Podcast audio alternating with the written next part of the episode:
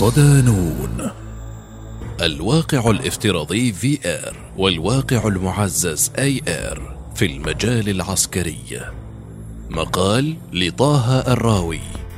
ضمن ملف الذكاء الاصطناعي والدفاع. ظهرت العديد من التقنيات الحديثة في عصرنا الحالي التي كانت في يوم من الأيام مجرد ضرب من ضروب الخيال. ومن ضمن تلك التقنيات تقنية الواقع الافتراضي VR التي تنقلك من العالم الواقعي إلى عالم آخر مبني على الخيال تعيشه كأنك في الواقع تتحكم به وتتحرك فيه بحرية لدرجة تثير لديك الشك بأن ما تراه مجرد خيال. إلى جانب ذلك برزت تقنية أخرى موازية لها عرفت باسم الواقع المعزز AR، وهي تقنية جديدة قلبت موازين الحياة الواقعية بقدرتها على إضافة تفاصيل عديدة على عالمك الحقيقي. ما هو الواقع الافتراضي Virtual Reality؟ الواقع الافتراضي هو عالم يصنعه الحاسوب بطريقة مجسمة ثلاثية الأبعاد بحيث يمكنك أن تتحرك فيه وتعيش مغامرات عديدة خلاله بمساعدة بعض الأجهزة التقنية المرافقة مثل خوذة الرأس المخصصة والنظارات والسماعات وقفازات خاصة تمكنك من مسك الأشياء في عالمك الوهمي. ما هو الواقع المعزز؟ Augmented Reality هي تقنية حديثة تشبه إلى حد كبير تقنية الواقع الافتراضي، لكن مع اختلاف جوهري بارز، وهو أن المستخدم سيتمكن من رؤية مشاهد وهمية في محيطه الحقيقي بعرض 2D و 3D، حيث تندمج المشاهد مع الواقع الحقيقي للمستخدم لتنتج ما يعرف بالواقع المعزز أو AV. تعتبر الصناعة العسكرية من أكثر الصناعات جذبا لكل ما هو حديث، فما إن تظهر تقنية حديثة أو نهج جديد إلا وكان المجال العسكري أول المستخدمين لها، وهذا الشيء ينطبق على تقنيتي الواقع الافتراضي والمعزز. نتعرف في هذا التقرير الذي يندرج في ملف التكنولوجيا والدفاع على أهم الاستخدامات لتلك التقنيتين في المجال العسكري. استخدام تقنيتي VR و AR في تدريب الجنود بالمجالات العسكرية إذا علمنا أن واحدا من أصل عشرين جنديا يتوفون في التدريبات العسكرية لأدركنا أهمية هاتين التقنيتين في التدريب دون خسارة الأرواح. إذ تعتبر هاتان التقنيتان آمنتان جدا إضافة إلى أنهما أقل تكلفة. ويتضمن التدريب استخدام شاشات العرض المثبتة على الرأس HMD وقفازات البيانات ليتمكن العسكريون من التفاعل مع الأشياء داخل بيئة افتراضية وينقسم إلى أنواع تشمل كل المجالات. التدريب الجوي. استخدام تقنية الواقع الافتراضي في التدريب على الطيران مقارنة بالطائرات الفعلية يكون أقل تكلفة بالإضافة إلى إمكانية إدخال عنصر خطر في هذه التدريبات ولكن دون تسبب في ضرر مادي حقيقي للمتدربين.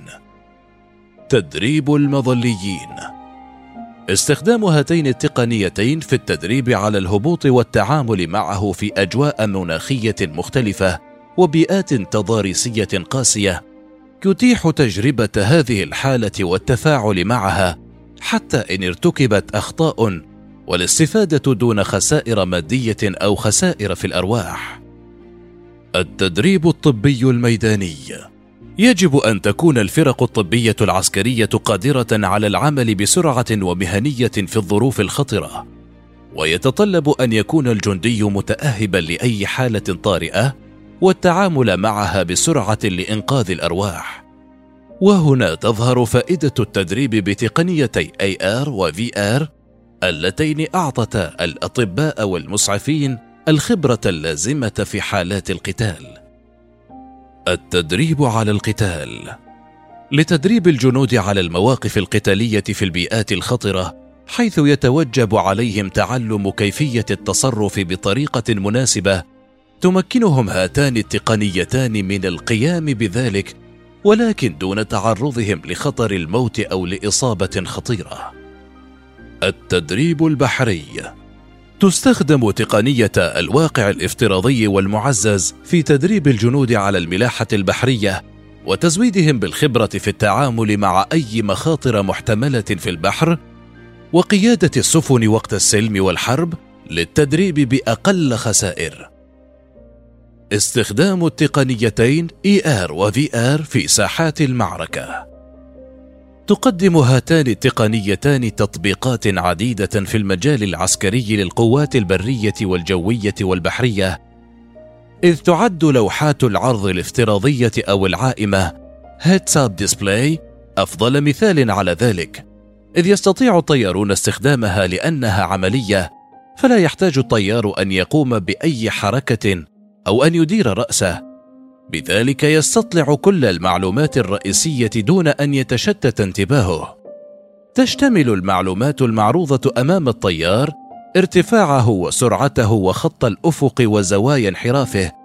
كما يمكن أن تعرض معلومات عن الأجسام الغريبة مثل سرعتها وغير ذلك من البيانات المهمة.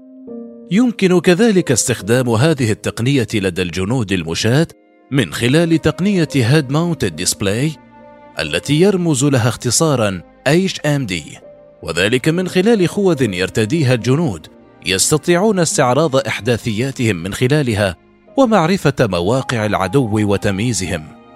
يمكن أن تثبت كاميرات في الخوذ ويستطيع الجنود من خلالها استطلاع المحيط من حولهم دون تعرضهم للإصابة. وكما الحال عند الطيارين فمن المهم تركيز الجندي بشكل كامل على المراقبة من حوله وقد يؤدي توقفه لحظة واحدة لمعرفة إحداثياته لتعرضه لخطر وهنا تكمن أهمية هاتين التقنيتين. AR و VR في الصناعة العسكرية.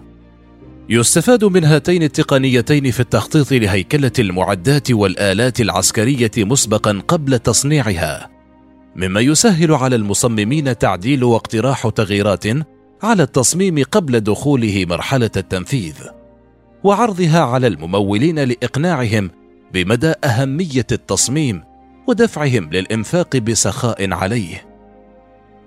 استخدام AR و VR في العلاجات النفسية للجنود.